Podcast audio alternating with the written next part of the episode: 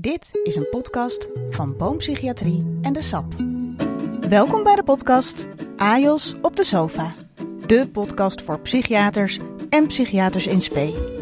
Mijn naam is Hanna Klein-Haneveld, uitgever psychiatrie. En elke aflevering onderzoek ik samen met AJOS Elissa Stam één thema. We spreken met een ervaren psychiater die antwoorden geeft op door jullie veelgestelde vragen en leggen hem of haar dilemma's voor. We presenteren je verder de wekelijkse column van Juri Tijdink. En bellen Gerben Mijnen met een ingewikkelde vraag. Het thema van deze week is mentale druk. Wat is uiteindelijk het allerbelangrijkste in je leven? Hoe helderder je dat hebt, hoe minder kans dat je verzand raakt in allerlei randfenomenen en waar je dan vervolgens overspoeld van raakt. Ik ben er niet zo van overtuigd dat het bij psychiatrie nou een, een vereiste is. Dus dat je ook een prima psychiater kan zijn zonder dat je gepromoveerd bent. Alleen die, ik denk de vrijheid vooral voelen om die keuze te maken, daar moet je wel stevig voor in je schoenen staan. Omdat er natuurlijk ook wel van buitenaf dan wordt gezegd, ja, maar het is wel nodig. Of het is wel goed dat je dit doet. Of... Ja, je voelt een impliciete druk eigenlijk. Hè? Ja, het, ik, ik denk dat dat maakt dat heel veel AIOS uiteindelijk zeggen van... ja, maar ik zou die keuze wel willen maken, maar ik kan hem niet maken. Zijn we weer, Hanna. Uh, ene dag regenachtige namiddag op de Zuidas en zitten we nu in het zonnige Zuid-Laren. Ja, inderdaad. We zitten bij Lentis. Dat is een prachtig terrein hier um, in het noorden van Drenthe. Het is een zonnige dag. Nou, eigenlijk niets wat ons weerhoudt om een hele mooie podcast te gaan opnemen. Wil jij onze gast introduceren? Ja, ik denk dat het een hele bijzondere gast is, omdat het uh, met recht wel een duizendpoot is die de laatste tijd uh, furoren maakt in het propageren of vooral het integreren van de leefstijlgeneeskunde in de psychiatrie. Zoals ik weet van mijn collega's is zijn stageplek bij het Centrum voor Integrale Psychiatrie bij Lentus geliefd en gewild. Maar wat de AIOS uit eigenlijk niet het noorden des Nederlands weten, is dat hij ook een bevlogen docent is. Zo ken ik en al mijn jaargenoten hem als een van de docenten die je de beginselen van de psychotherapie bijbrengt bij het vak basale geneeskunde. Ik wil je voorstellen en ook vooral hartelijk welkom heten, Rogier Hoenders. Hartelijk dank. Ik ben heel blij hier te mogen zijn met jullie. Ja. Um, ik zei al, een duizendpoot. Zijn er nog functies die ik gemist heb of dingen die je ja, uh, hoe uitgebreid wil je het hebben? nee, ik doe natuurlijk ook dingen in onderzoek. Ik ben uh, hoofdonderzoek van Centrum Integrale Psychiatrie. Naast mijn patiëntenzorg, um, leidinggevende van de afdeling. En dus actief vooral geweest in de opleiding tot psychiater. Kijk, en dat sluit denk ik in dat op zich mooi aan bij het onderwerp waar we het vandaag over hebben. Zeker, we gaan het vandaag hebben over mentale druk. Wij kregen van de AJOS door dat dat toch echt een onderwerp is waar veel interesse voor is, omdat dat vaak aan de hand is. AJOS hebben drukke, drukke banen, onregelmatige banen, komen in een wereld waarin ze tegen dingen aanlopen die ze nog nooit eerder hebben gezien, denk ik. En die best heftig kunnen zijn. Dus daar willen we heel graag met jou over praten. Uh, misschien is het goed om eerst eens te vragen aan jou hoe jij zelf jouw AIOS-tijd hebt ervaren. En of jij ook last hebt gehad van mentale druk in die periode. Ik vond het superleuk. Uh, ik heb mijn opleiding gedaan van 2000, 2000 tot 2004. Ja, ook bij Lentes. Dus ik ben eigenlijk gewoon maar blijven hangen hier. Als je heel lang blijft, mag je allerlei dingen gaan doen. uh, zo ben ik in wat taken terechtgekomen. Maar ik vond de opleiding heel leuk. Um, en ik deed er zelf ook wat dingen bij. Dus ik had in die tijd... Um, ik was vrij uh, actief met volleybal op landelijk niveau. En ik zat in een band van uh, psychiatrie. Wij heet een live event. Dat vonden wij wel een leuke naam. We hadden Nederlandstalige rock. Dus ik had veel afleiding. En ik heb een tijd ook nog, uh, ja, anderhalf jaar heb ik een deeltijd gedaan. Om al die andere bezigheden ook een beetje ruimte te geven. Dus uh, dat ging me eigenlijk relatief makkelijk af. Als ik eerlijk ben. Ja. Oké. Okay. Nou, dat is goed om te horen. Ja, want dat rijst direct de vraag: heb je je ooit onder druk gevoeld? Dat je dacht van hoe hou ik al deze ballen hoog? Eerlijk gezegd heb ik dat meer na de opleiding gehad dan tijdens de opleiding. Kijk, ook tijdens de opleiding ligt de druk op je, heel duidelijk. Ik denk dat het helpt als je kijkt ook naar onderzoek naar burn-out verschijnselen onder medici. Dan zie je dat een aantal factoren kan helpen. En blijkbaar heb ik die per ongeluk al gedaan. Dus doe er dingen naast die je ook heel leuk vindt. Ook heel ander werk is bijvoorbeeld een beschermende factor tegen burn-out. En dat heb ik met name met sport en muziek gedaan. En um, natuurlijk had ik wel de spanning zoals elke IELTS die heeft voor allerlei toetsingsmomenten. Ik had ook die beruchte angst van, oh, ooit zien, komen ze erachter hoe raar ik ben en dan mag ik niet verder. En dat is ook zo'n eentje. Die ik de, vaak de imposter syndrome. ja, ja, zo eentje. Die had ik ook. En, um, en natuurlijk enige spanning voor bepaalde onderdelen die mij minder goed afgingen. Ik hield niet zo van de theorie. Ik was echt, ik ben altijd een praktijkmens geweest. Dus voor theoretische toetsen had ik spanning. Maar dat was niet iets wat niet hanteerbaar was in die tijd. Voor mij is het vooral begonnen na de AIOS-tijd. Maar dat is voor sommige mensen heel anders. En wat gebeurde er dan toen? Wat veranderde er? Nou, wat er gebeurde is dat ik, uh, uh, ik zei toen hardop dat ik interesse had in andere geneeswijzen. en dat, uh, dat is een soort van schokgolf. Daar heb ik nu, 17 jaar later, nog steeds uh, de gevolgen van. Nee, maar ook in positief opzicht. En, uh, dus wij kondigden aan, het was een, een, een uitvloeisel van mijn eigen eindreferaat. Net zoals elke AIOS moest ik ook een presentatie voor een extern kritisch gehoor geven. Um, in het academisch ziekenhuis. En dat, toen vertelde ik dat ik bezig was met onderzoek te doen. Eigen onderzoekje naar het gebruik van andere interventies door mensen met psychische stoornissen, terwijl ze ook een GGZ-behandeling kregen. En um, ik vroeg de psychiaters, wat denken jullie? Uh, gebeurt dat af en toe? Ze zeiden, nou, komt nauwelijks voor, minder dan 10%. En toen ging ik hun eigen patiënten vragen. En toen bleek het 43% te zijn per jaar. En dat was het startschot voor een... Um, voor meer onderzoek ernaar te gaan doen. En toen we dat hardop gingen vertellen, toen was het uh, de wereldberoemde krant Dagblad van het Noorden zeer geïnteresseerd. Dat is bij ons een begrip hier. Jullie denken, eh, waar gaat het over? Maar dat is zeg maar de Telegraaf van Noord-Nederland. En um, uh, daarin kwam het opeens tot mijn schrik op de voorpagina van de bijlage. Uh, een heel verhaal dat wij daarmee bezig gingen. En dat gaf een storm aan reacties. Heel veel positieve, ook een paar negatieve. En dat, uh, dus toen was ik eigenlijk vanaf dag één daarmee bezig. En dat is doorgaand op de dag van vandaag. Ja, en dat gaf dus ook zekere druk al aan het begin van je carrière als psychiater. Ja, voor mij was de mentale druk vooral als je net klaar bent als psychiater, dan wil je toch graag dat je erbij hoort. Hè, mm. Dat je als een serieuze collega wordt gezien, dat je je vak goed kunt uitoefenen. En ik botste dus vooral met een aantal critici over onze plannen, die heel hard gingen roepen dat ik dus er niet bij hoorde, het niet goed deed, slechte zorg, niet goed voor mijn patiënten was. Dus dat gaf mij, voor mij de mentale druk in die beginperiode. Meer eigenlijk dan andere dingen als diensten of productiviteit mm. of bureaucratie of de gebruikelijke factoren. Ja, en waren het dan ook diezelfde beschermfactoren als sport, de muziek, die voorkwam dat je niet brak, maar misschien alleen boog onder de druk? Ja, ik ben redelijk ver gebogen, zou ik zeggen. Ik, dus ik, ik begin vaak, ik geef wel eens vaker presentaties over burn-out bij medici. En dan begin ik vaak met dat ik ervaringsdeskundige ben, omdat ik denk dat ik twee keer vlakbij, misschien net tegen een burn-out aan heb gezeten. En dat was dus in die beginjaren vanwege wat ik net vertelde. En ik gebruikte inderdaad uit mijzelf een aantal dingen die ik voorhanden had om niet volledig uit de bocht te vliegen. En dat was dus vooral leefstijlfactoren. Dus ik, ik heb van nature eigenlijk altijd heel gezond eetpatroon gehad. Ik sport heel veel. En ik ben in die jaren op begonnen met meditatie. Dat heeft mij erg geholpen. Dat was natuurlijk in die jaren van de vorm van mindfulness. Maar er zijn heel veel soorten meditatie. En ik merkte dat dat enige gezonde distantie gaf af en toe van al die heftigheden. En um, zo kreeg ik wat ja, handreikingen en, en methoden om om te gaan met die grote druk. Hey, en hoe herken je het nou, dat je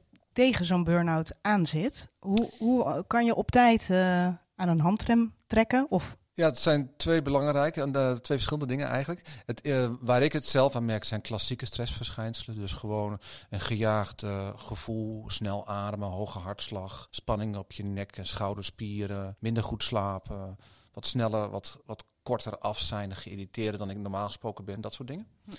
En um, ja, noodrem, ik heb voor mezelf eigenlijk een heel scala aan dingen, uh, ja, mijn eigen gemaakt, wat bij mij werkt, om dat tegen te gaan. En um, uh, dat zijn ook dingen die dus klassiek beschreven staan. Dus veel sociaal bezig zijn, sociale contacten zijn helpend. Dat merk ik zelf ook. Voor mij is het ook heel duidelijk meditatie, sporten, voeding. Dat zijn allemaal dingen die ik toepas. Ja. En um, uh, ook bezig zijn met iets buiten je werkveld wat van een hele andere aard is. En waar je, waar je een bepaalde passie bij hebt. Dus voor mij is dat bijvoorbeeld muziek en ook reizen. Dus die dingen helpen mij daar heel goed bij. Ik ben eigenlijk wel nieuwsgierig, hè? Uh, want de factoren die je noemt van sport, uh, reizen, eten. Als je kijkt naar de AIOS van vandaag de dag. En ik weet wel dat je plaatsvervangend opleider bent geweest. Of, uh, ja, ik ben ook een tijdje de, de opleider, opleider, geweest, geweest omdat de ja. opleider ziek werd. Ja, ja precies. Ja. En ik heb altijd het idee, als ik kijk naar mijn collega's, is dat we alles willen. Dus we willen en goed uh, presteren bij ons werk, maar we willen ook sporten en we willen ook een leuk sociaal leven hebben. En dat je dan op een gegeven moment de beschermende factoren eigenlijk ook factoren worden die maken dat je misschien richting een overspannen gaat of richting een burn-out. Ja. En die is een heel goed punt. Het interessante is dat factoren die kunnen beschermen, kunnen vaak ook belastend zijn, afhankelijk van hoe je ermee omgaat. En het begrijpelijke is, als je in een opleiding gaat, bijna iedereen is dan tussen de 25 en de 35. En dat is de levensfase waarin alles moet gebeuren. Ehm, dus toen ik opleider was, voelde ik me een soort van maatschappelijk werker voor jonge dokters. Want de een naar de ander kwam langs met een relatiecrisis of met zwanger worden of, uh, of narigheden uit elkaar gaan, vreemd gaan, you name it. Alles. Ruzie met supervisoren ook trouwens. En, Geen en, huis kunnen vinden. Nou ja, dat soort dingen. dus alles, maar het is een leeftijdsfase waarin alles gebeurt. En dus je wil en een leven opbouwen, een baan, je vak eigen maken. Je moet diensten doen. Je hebt een partner. Er komen soms kinderen bij, een huis kopen, financiële verantwoording. Dus het is heel begrijpelijk dat, dat je ja, dan de grenzen gaat ervaren van wat je allemaal kan doen in een dag. En in deze periode van de afgelopen twee jaar met het, uh, het virus waar we steeds over praten, heeft het niet makkelijker gemaakt. Uh, want we zien dat de mentale gezondheid in Nederland is gedaald. Die is al bijna twintig jaar lang, volgens cijfers van het CBS, is de mentale ongezondheid ongeveer bij 1 op de 10 van, van de bevolking, van de volwassene bevolking. En sinds een anderhalf jaar is die opeens geschoten naar 15 procent. Dat is op, op een bevolkingsniveau is dat een groot effect. Dat je 50% toename eigenlijk van mentale ongezondheid. Dat heeft voor een groot deel te maken met een aantal van de dingen die we graag doen. Sociale contacten, uitgaan, kunnen niet meer. En we zitten nog meer stil, nog meer naar beeldschermen te kijken. En dat maakt voor een aantal bevolkingsgroepen, met name kinderen, in de puberteit, jongvolwassenen en geïsoleerde ouderen, dat die het meeste last hebben gehad van deze tijd. En ik wil niet zeggen het meeste last, maar natuurlijk ook de AIOS die onderwijs niet volgt uh, met collega's, maar achter een beeldscherm thuis met kinderen die uh, ondertussen ook stilgehouden moeten worden. Of een partner die ernaast uh, zit om te werken. Ja. Ik, je schetst er denk ik heel belangrijke dingen, een soort balans tussen beschermfactoren en kwetsbare factoren. En dat de AIOS eigenlijk ook altijd in een leeftijdsfase zit waar dus alles in moet gebeuren. Nu prijzen wij zelf uh, als psychiaters en psychiaters in SP uh, ons, uh, nou, althans, we kloppen ons op de borst dat we en supervisie hebben en mentoraat en leertherapie. Maar missen we daar dus dan eigenlijk niet een soort doorgaande lijn in, namelijk levensvorming of identiteitsvorming. Van wie wil je zijn, niet alleen als psychiater en hoe hou je tegenoverdracht onder controle, maar vooral wie wil je zijn als mens. Ja, dan maak je me heel blij met deze vraag natuurlijk, Elise, want het is een onderwerp waar ik uh, veel enthousiasme voor voel. Ja, wat je schetst is alle technieken of interventies die wij krijgen zijn interpersoonlijk. Het gaat om coaching, begeleiding, supervisie, therapie, allemaal in contact met de ander. Wij leren tijdens de opleiding nauwelijks iets wat je interpersoonlijk kan of intrapersoonlijk kan doen, dus voor jezelf. En dat is niet alleen tijdens de medische opleiding, maar het is ook een maatschappelijk gegeven.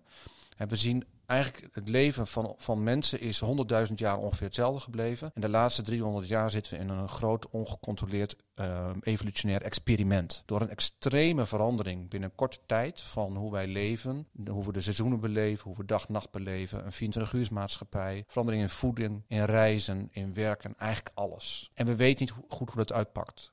Dus dat is maatschappelijk gezien. Binnen de opleiding krijg je de extra stressbronnen bij. Dus naast die overprikkeling van de maatschappij die er al is. En multitasken krijg je dan nog uh, dingen die je moet leren. Uh, diensten, suicides, agressie van patiënten. Nou, al die factoren die je, die je als AIOS bezighouden. En dan moet je daarmee zien te dealen. Dan kan je met in coaching, mentoraat, psychotherapie kun je daar een deel van oplossen. Maar ik denk dat we meer moeten leren hoe je uh, leefstijlfactoren voor jezelf kunt hanteren. En uh, ik noemde er al een paar, voeding, beweging, ontspanning. Maar algemeen gesproken een vorm van reflectie op hoe het van binnen gaat. Want wij zijn als mensen zijn we gewoontedieren. En wij doen vooral datgene wat ingeslepen automatische patronen zijn. We willen graag doen geloven dat we logisch zijn, dat we goed nadenken, op basis van weloverwogen keuzes autonoom onze stappen nemen. Maar dat is flauwekul. We doen dingen gewoon vanuit diepere lagen op basis van automatisme, vooral vanuit je emotionele brein. En daarna klets je er een verhaaltje na om het een beetje logisch te doen klinken. En dan leg je het een beetje uit. Nou, op zich is dit fenomeen niet erg, want daarmee ben je efficiënter dan als je elke keer over elke handeling moet nadenken. Maar als de dingen die automatisch zijn niet altijd alleen maar gezond zijn, wordt het wel een probleem. En dat geldt zowel voor gedachten, dat weten we bij depressie. Als er heel veel negatieve gedachten geladen zijn in ons systeem, negatieve kerncognities, trauma's, dan trekt het elke keer je stemming naar beneden. Daar werkt mindfulness bijvoorbeeld voor. Maar het geldt ook voor negatieve gedragingen, zoals ongezonde dingen, verslavingen, veel stilzitten enzovoort. Je kunt er alleen goed uitkomen als je het eerst opmerkt. En daarom is reflectie of aandachtigheid cruciaal. En daar zouden we meer op kunnen wijzen tijdens de opleidingen. Daarnaast, idealiter, leer je ook nog een paar technieken om er dan ook daadwerkelijk nog een verandering in aan te brengen. Zoals bijvoorbeeld mindfulness of compassietraining of andere technieken. En tenslotte zingeving, wat ik zelf het meest cruciaal vind als een onderligging. Je wil eigenlijk mensen beter bevragen op wat is uiteindelijk het allerbelangrijkste in je leven. Hoe helderder je dat hebt, hoe minder kans dat je verzand raakt in allerlei randfenomenen en waar je dan vervolgens overspoeld van raakt. Dus ik denk dat zingeving, als je dat scherper hebt, ook beschermend kan zijn tegen burn-out. En interessant genoeg komt dat ook uit sommige meta-analyses, die aangeven dat bij beschermende factoren voor burn-out gaat het ook om dat je het gevoel hebt dat je op een juiste manier in je vak kan staan. Dat je je vak kan uitoefenen op een manier die hoort bij mensen, dat het moreel juist is, dat je rechtvaardig met dingen omgaat. En als die waarden in het geding zijn, raken mensen snel op burn-out. Oké, dus eigenlijk is een tip om hè, als je kijkt naar zingeving, gaat eigenlijk om prioriteren. Om wat vind je echt belangrijk in je leven en dus ook in je werk. Ja. Zodat je eigenlijk automatisch de juiste dingen kiest die daarbij horen. Begrijp ik het dan goed? Ja, klopt. Dus eigenlijk die twee dingen. Ten eerste aandachtigheid om op te merken welke automatische gedragingen en gedachten je hebt. En ten tweede zingeving om ze in de juiste richting te sturen. Om een wenkend perspectief te hebben, zeg van dat is voor mij het allerbelangrijkste. En dat zeg ik vooral ook omdat het onderzoek blijkt dat we heel vaak een enorme discrepantie hebben tussen wat we echt belangrijk vinden en wat we feitelijk doen. He, dus een, een ander type onderzoek uit bij mensen die uh, in de palliatieve fase zitten en vroeg overlijden, heeft een van de uh, verpleegkundigen onderzocht. Wat zijn nou de vormen van spijt die mensen hebben als op hun sterfbed liggen. En dan komen vaak de diepste zingevingsaspecten naar voren. En dan zie je dat heel veel dingen die zo voor de hand liggend zijn. Ik wou dat ik meer mezelf had toegestaan gelukkig te zijn. Ik wou dat ik minder had gewerkt. Dat ik meer met mijn geliefde en met mijn familie bezig was geweest. Dat ik had gedaan wat ik echt wil in het leven. Al die factoren blijkt dus vaak op het sterfbed dat we daar niet aan toegekomen zijn. En dat komt omdat we het niet scherp houden tijdens ons dagelijks leven. En dan heb je dus reflectie en zingeving nodig om het wel scherp te houden, zodat je eerder kunt bijsturen. We praten zo verder. Maar eerst is het tijd voor onze vaste columnist, Juri Tijdink. Tijdens mijn opleidingsperiode kwam er een 55-jarige patiënt naar mij toe en vertelde me dat ze niet meer door mij behandeld wilde worden. Ze vond me te jong en wilde liever een behandelaar met meer levenservaring. Ik besprak haar verzoek met enige gêne met mijn opleider. Het voelde toch een beetje als falen. En bovendien vond ik, met enige zelfoverschatting, dat ik genoeg levenservaring had. Mijn onervaren geest wilde niet toegeven dat ik nog wel het groen was achter de oren. Bovendien, ze deed me pijn door me op deze manier te disqualificeren. Afwijzing doet pijn. En waarom was ik volgens haar te jong? Wat ontbrak er aan mij? De twijfel sloeg bij mij toe. Door af en toe dit soort afwijzingen mee te maken, word je uiteindelijk een betere psychiater. Leuk is het echter niet. Het is iets wat je je ook moet realiseren. Want in de opleiding zijn is zwaar en soms echt niet leuk. Daar moet je mee om leren gaan en een zekere mentale hardheid ontwikkelen. Maar zonder je empathie, verbeelding en authenticiteit te verliezen. Dat maakt het ook verdiepend. Het betekent wel dat je jezelf moet blijven ontwikkelen om goed met deze keerzijde van ons vak om te leren gaan. Gelukkig is dat een belangrijk onderdeel van de opleiding. Er is ontzettend veel ruimte voor inhoudelijke en persoonlijke reflectie. Observeren, gesprekstechnieken, wetenschappelijke kennis tot je nemen, klinisch redeneren, samenwerken, luisteren, professioneel gedrag, farmacotherapie, psychotherapie, leertherapie, intervisie, supervisie, mentoraat, leiderschap, persoonlijke ontwikkeling, werk-privé-balans. Kortom, je moet ontzettend veel ontwikkelen. De vraag is wanneer je je voldoende hebt ontwikkeld. Ik denk dat het nooit af is. Dat maakt het zo'n bijzonder en soms ook ongrijpbaar vak. En juist vanwege die ongrijpbaarheid moeten we voorzichtig zijn met het gebruik van platitudes om onze groei uit te drukken. Ze klinken goed, dat wel, maar praktisch zijn ze niet. En uitspraken als dichter bij jezelf zijn, goed naar je luisteren naar je gevoel, jezelf accepteren zoals je bent. Zo zijn er tientallen best wel vage begrippen die niet altijd helpen. Ik denk dat het pas echt helpt als we onze zelfreflecties en onze skills concreet maken en verbinden aan patiëntenzorg. Het mooie is dat al die eerder genoemde onderdelen in de opleiding ons voldoende bagage geven om jezelf te ontwikkelen. Die ontwikkeling is nodig om je te wapenen tegen de mentale druk die inherent is aan ons vak. Het klinkt misschien gek, maar ons vak is niet voor mentale mietjes. En ik twijfel direct of ik dat wel mag zeggen. Ik bedoel eigenlijk te zeggen: het Enige eelt en volharding is nodig om het vol te houden en het leuk te vinden. En de mentale belasting is gewoon hoog. Dat moeten we gewoon niet onderschatten. En kom op, het hoeft niet altijd leuk te zijn. Het leven is een zure bom, zoals een goede vriend mij regelmatig voorspiegelt. En dat is eigenlijk een prima constatering. In het Engels bestaat er de uitdrukking no pressure, no diamonds. Met andere woorden, je moet soms iets vervelends meemaken om te kunnen groeien en te ontwikkelen. En ik beloof je, dat gaat in de opleiding tot psychiater genoeg gebeuren. Hoe is het eigenlijk afgelopen met die patiënten die mijn tere ziel pijnigden met devaluatie en afwijzing?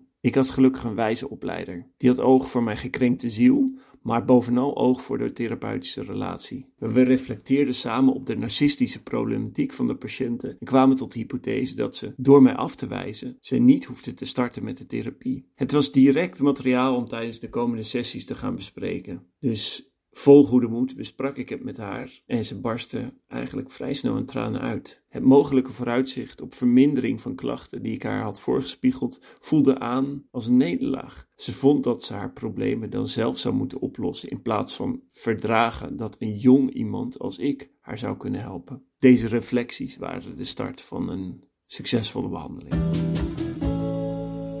En is het dan praktisch gezien ook mogelijk, Elissa, denk jij, om bijvoorbeeld als als je AIOS bent, ook af en toe te denken: oké, dit is misschien niet het allerbelangrijkste in mijn leven. Ik wil ook dat sociale stuk en mijn familie centraal stellen. En dus misschien ook iets minder werken. Kan dat überhaupt als AIOS? Ik denk dat het een hele lastig is. Ik zie Rogier ja knikken.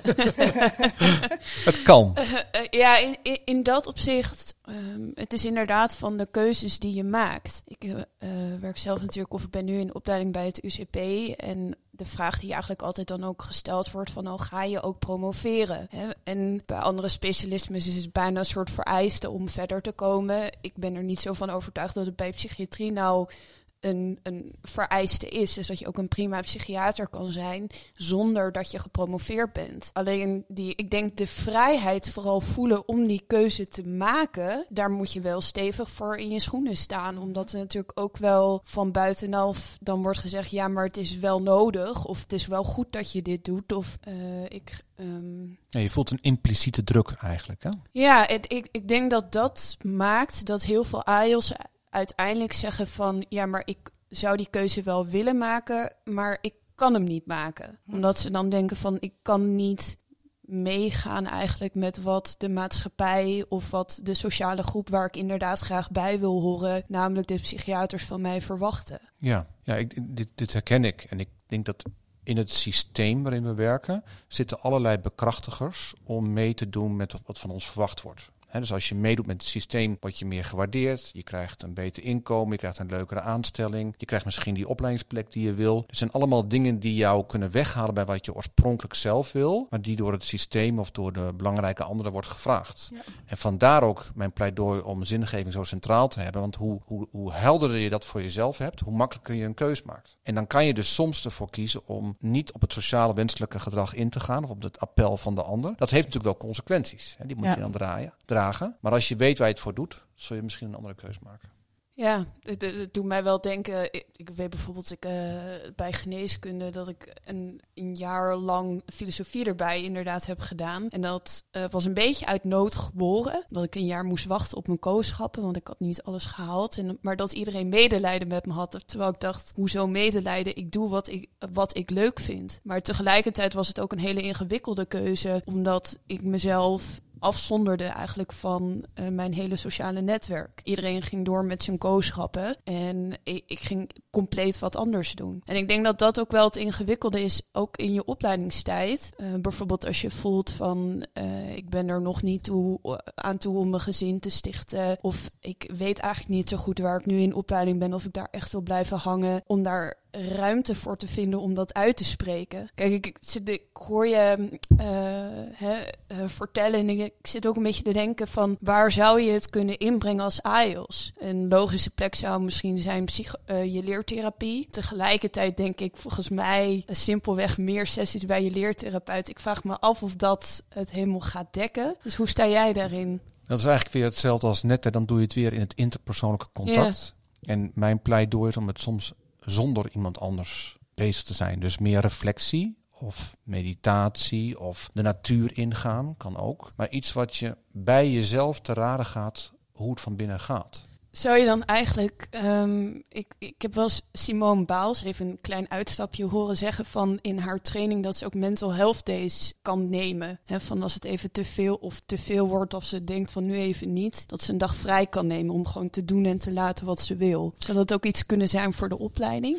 Ik denk het wel. Ik zou alleen een, een, een, soort van aanbeveling of een handreiking doen wat ze dan tijdens zo'n dag kunnen doen. Want alleen een dag vrij, voordat je het weet ga je Netflixen of op stap of weet ik veel wat. Hoe leuk het ook kan zijn, uh, gaat het wat mij betreft ook om dat je mensen uitlegt en aan de hand meeneemt hoe je naar binnen kan kijken. Wij, wij kijken de hele tijd naar buiten en we zijn ons continu zijn we ons erg bewust van wat anderen van ons vinden en van ons willen. We zijn een sociaal dier. Ja. Dus het is heel spannend om af te wijken van de norm. Je noemt het al even met relatievorm, met kinderen. Als je bewust kiest om geen kinderen te hebben, om maar eens een te noemen, kan dat heel spannend zijn, omdat alle andere mensen daar heel anders tegen aankijken. Dus wij laten eigenlijk niet onszelf helemaal spontaan eigenlijk onze eigen keuze altijd maken, maar we schatten in hoe de omgeving dat zou vinden en of daar wel ruimte voor gelaten wordt. Mhm. Maar als je mensen dan op hun sterfbed vraagt om terug te kijken, zeggen ze bijna allemaal: ik wou dat ik toch meer trouw was gebleven aan mijn eigen overtuigingen en mijn eigen belangen en mijn eigen idee van hoe het zou moeten gaan. Dus ik pleit niet voor dat iedereen maar op zijn eigen houtje gaat en zoek het maar uit. Dat niet natuurlijk. Maar wel dat we vaker stilstaan bij hoe het echt van binnen voelt. En pas dan keuzes maken over de lange termijn. En dan heb je minder risico dat je door je automatismen of door sociale druk geleid wordt. Maar dat je meer vanuit authentieke eigen keuzes werkt. En dat is beschermend tegen burn-out. Ja. Eigenlijk mist dat een beetje in de opleiding. Ik zeg nou iets heel gevaarlijks natuurlijk. Maar, Waarom is het zo gevaarlijk? Nou ja, uh, mensen die natuurlijk hebben hard gewerkt aan het nieuwe opleidingsplan. Oh ja. Um, dat is een mooi voorbeeld. Je schat al een beetje in hoe er nou gedacht zal worden. maar, nee, nee, maar dat is natuurlijk wel een punt. Um, ik, maar ik ben het gelijk met je eens. Dus mijn support heb je.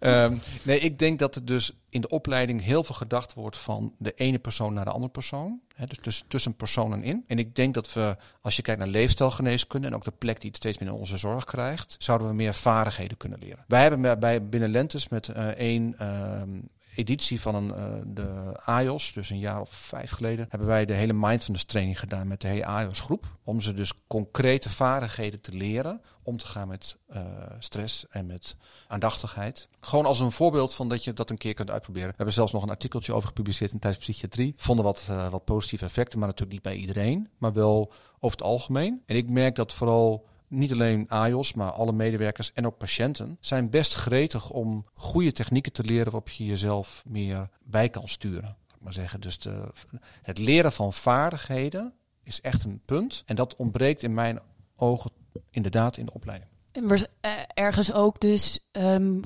misschien voorbeelden van uh, dat het oké is om af te wijken van de norm. Als uh, de voorbeelden van psychiaters die hun eigen pad volgen omdat zij erachter staan, omdat zij voelen van dit is hoe ik graag werk als psychiater. Niet met de boodschap van dus jij moet dat ook worden, maar als een soort ja, ik wil bijna zeggen boost van zelfvertrouwen. Als jij voelt dat dit een goede stap voor jou is, dan moet je dat ook doen. Ja, ik, ik, ik denk dat het heel belangrijk is. Uh, dat kan natuurlijk iets makkelijker na de opleiding dan tijdens de opleiding. Want een onderdeel van de opleiding is ook gewoon een vak leren. En betekent dat je soms ook gewoon dingen moet doen die je minder aanspreken of die je minder bij, gewoon omdat je ja, psychiater wil worden. dus dat is niet helemaal eruit te halen.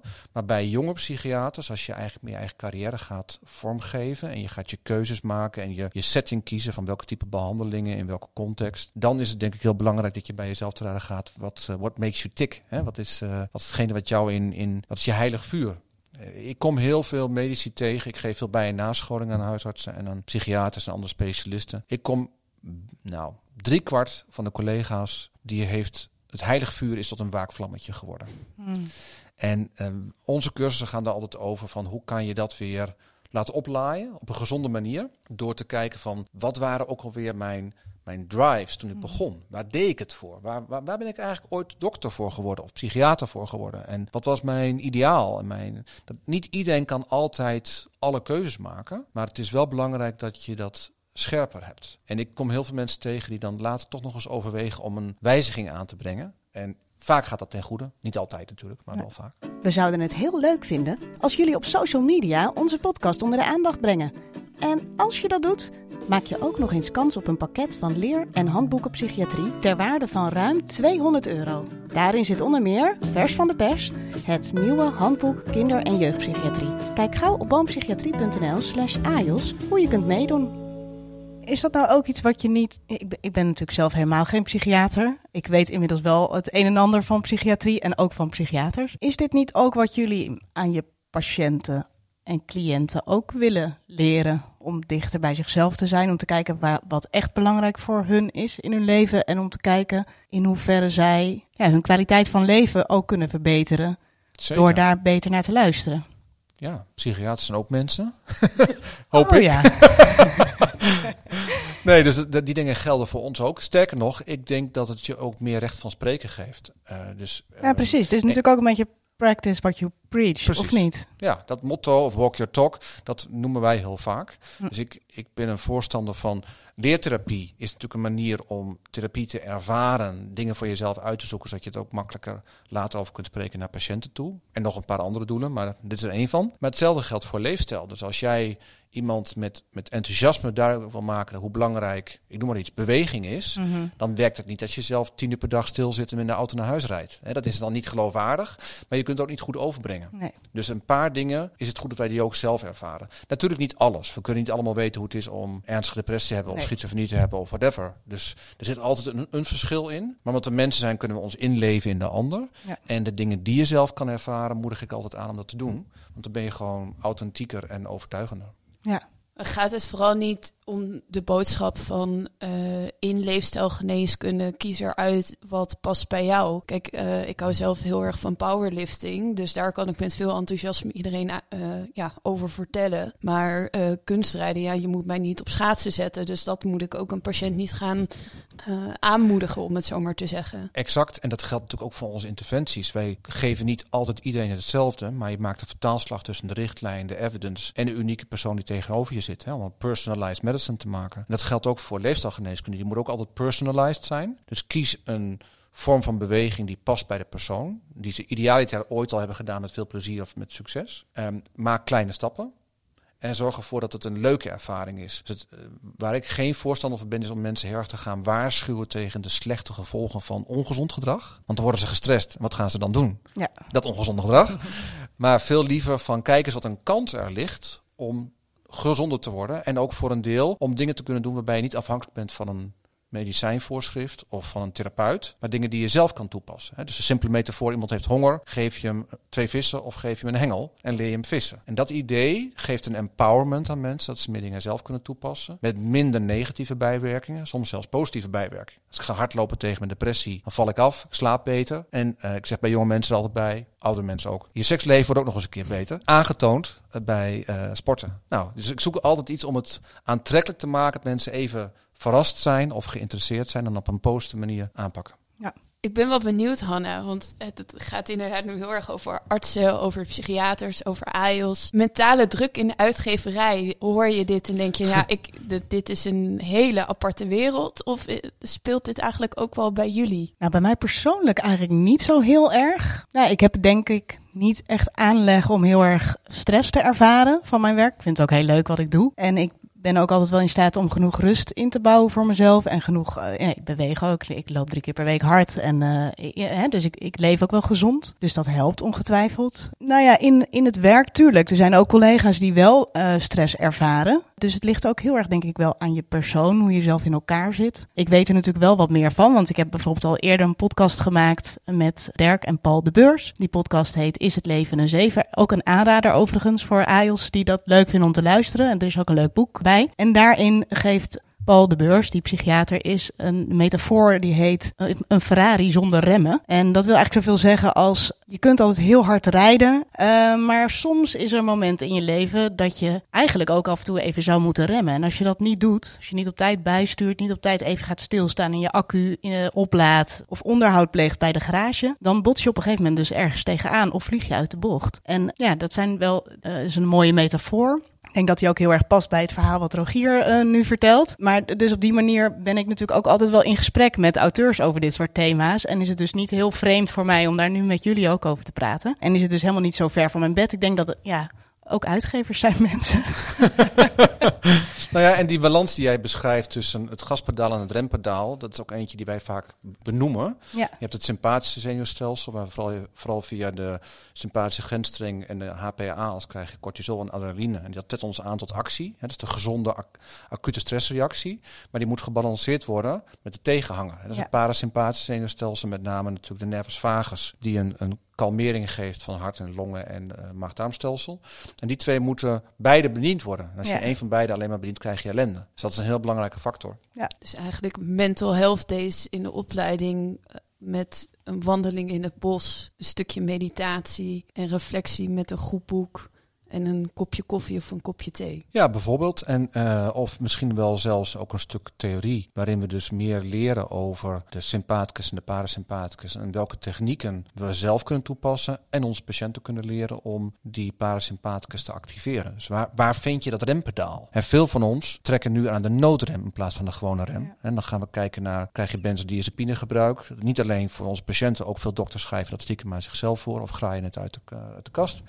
Of halen eh, drugs ergens, of alcohol, of eh, eh, junkfood, of roken.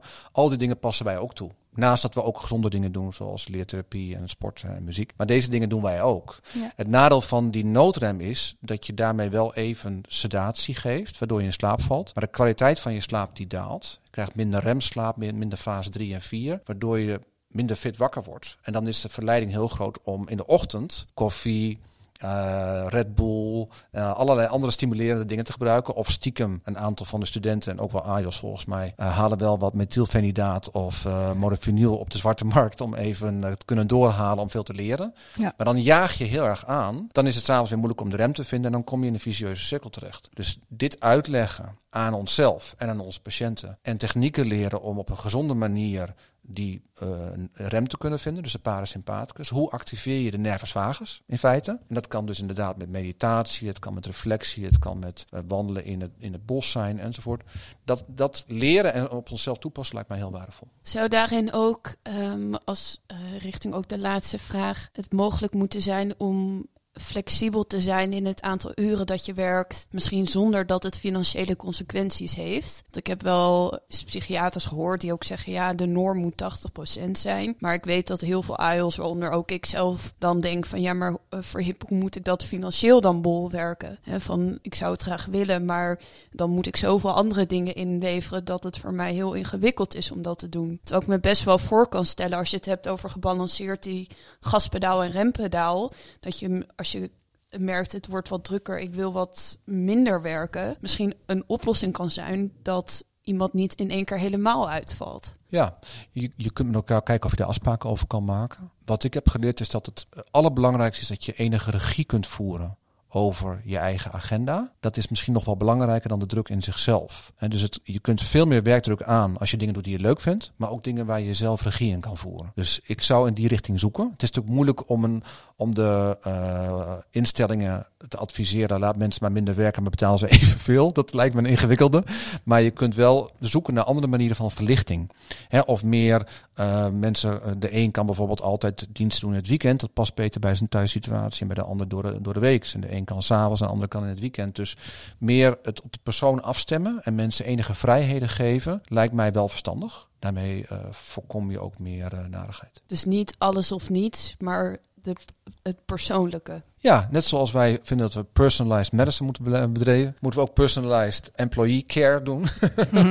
En uh, omgaan met, uh, met iedereen. En rekening mee houden dat we zijn allemaal kwetsbaar en menselijk. En, ja. uh, en dus zoeken naar de, de knoppen waar je wel aan kan draaien. En dan, ik zou dus zeggen, leren het rempedaal vinden. Blijf bij wat je echt diep van binnen graag wil. Dus je, je bezieling en je, je zingeving. En uh, technieken die die ontspanning kunnen uh, induceren. Oh, Elissa, wij vergeten helemaal. We hebben Gerben helemaal niet gebeld. Ja, voor hip. Hey, um, weet je wat ik nou zo heel graag een keer aan Gerben zou willen vragen? Nou.